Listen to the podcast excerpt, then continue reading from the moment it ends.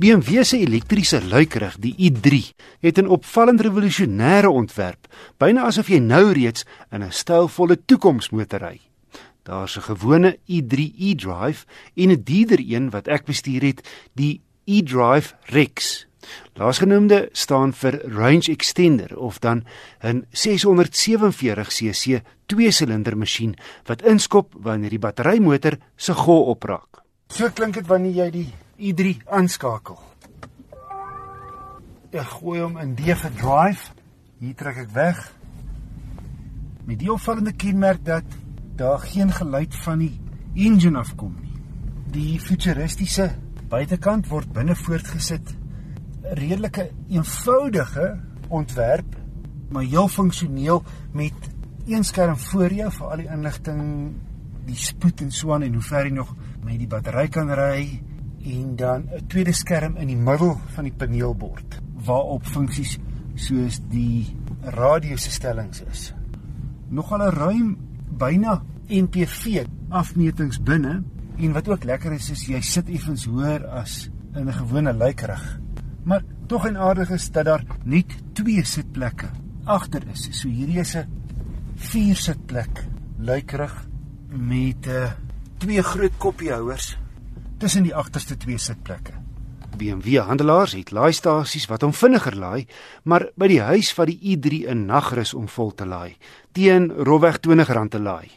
Of as jy gelukkig is, prop jy hom in wanneer jy jou 8 ure by die werk insit. In watter geval jy niks vir energie hoef te betaal nie. Indien jou huis 50 km of minder van die werk is. Jy kan ook 'n klein laaistasie by BMW koop wat hom binne enkele ure vollaai, maar dit gaan jou R25000 kos. Om die i3 te laai verg regtig min moeite.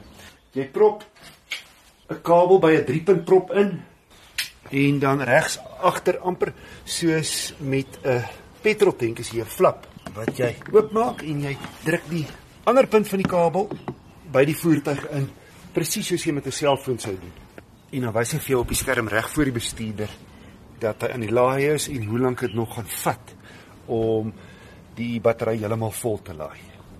Om die laaier se punt weer uit te trek, druk eenvoudig die sentrale oopsluit knop op jou sleutelhouer, sit die batterydoppie op, maak die flap toe en dan gat jy.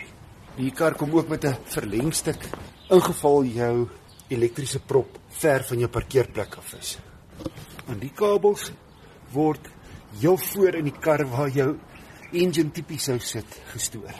Versnelling het as 'n verrassing gekom, geen ratte wat gewissel word nie en hy laat wiel. 40 60 80 100 Kaartuitskrif het 0 na 100 in 'n hastige 7 en 'n half sekondes skaf gedraf. In die liga van Toyota se 86, die Fiesta ST en BMW se eie i20i maar voet in die hoek tap jy die battery vinnig. Doodstil op die oop pad. Dis net die pad gereis en kanspieels wat jy hoor. Al die 250 Nm wrinkrag is onmiddellik beskikbaar wanneer jy wegtrek, wat hom 'n heerlike stadskar maak en in die proses blitsbukse skrik maak. Lig jou voet van die versneller en dit voel of jy rem. So sterk is die opwekking van die battery deur die kinetiese energie. Jy ry eintlik pal met jou voet op die versneller. En die klank wat jy nou gaan hoor is nie die van 'n grasmasjien nie. En toe met 'n paar kilometer oor skop die twee silinder masjienkie in. Wat jy op die agtergrond kan hoor, hy dryf nie die wiele aan nie. Hy gee nie die battery krag. Diese petroltank vat 9 liter, so wat 110 km met die battery en nog 110 met die reserve tank gee vir jou 220 km. Dus hier van Johannesburg sal jy die ou tentjie op Kroonstad moet vul en nog 'n slag voordat Bloemfontein sy verskyning maak. Dis 'n nadeel.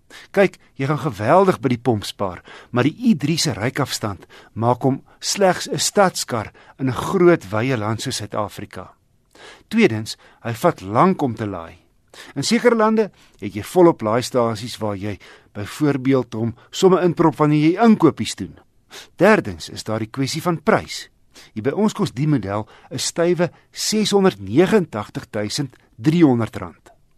In heelwat lande kry jy er duisende terug van die regering wanneer jy 'n elektriese kar aanskaf as 'n aansporing om groen te gaan. Ongelukkig werk dit nie so hier by ons nie, sowel BMW se i3 e-drive Rex 'n edelpoging en vetpret is, is sy lewensvatbaarheid in Suid-Afrika beperk.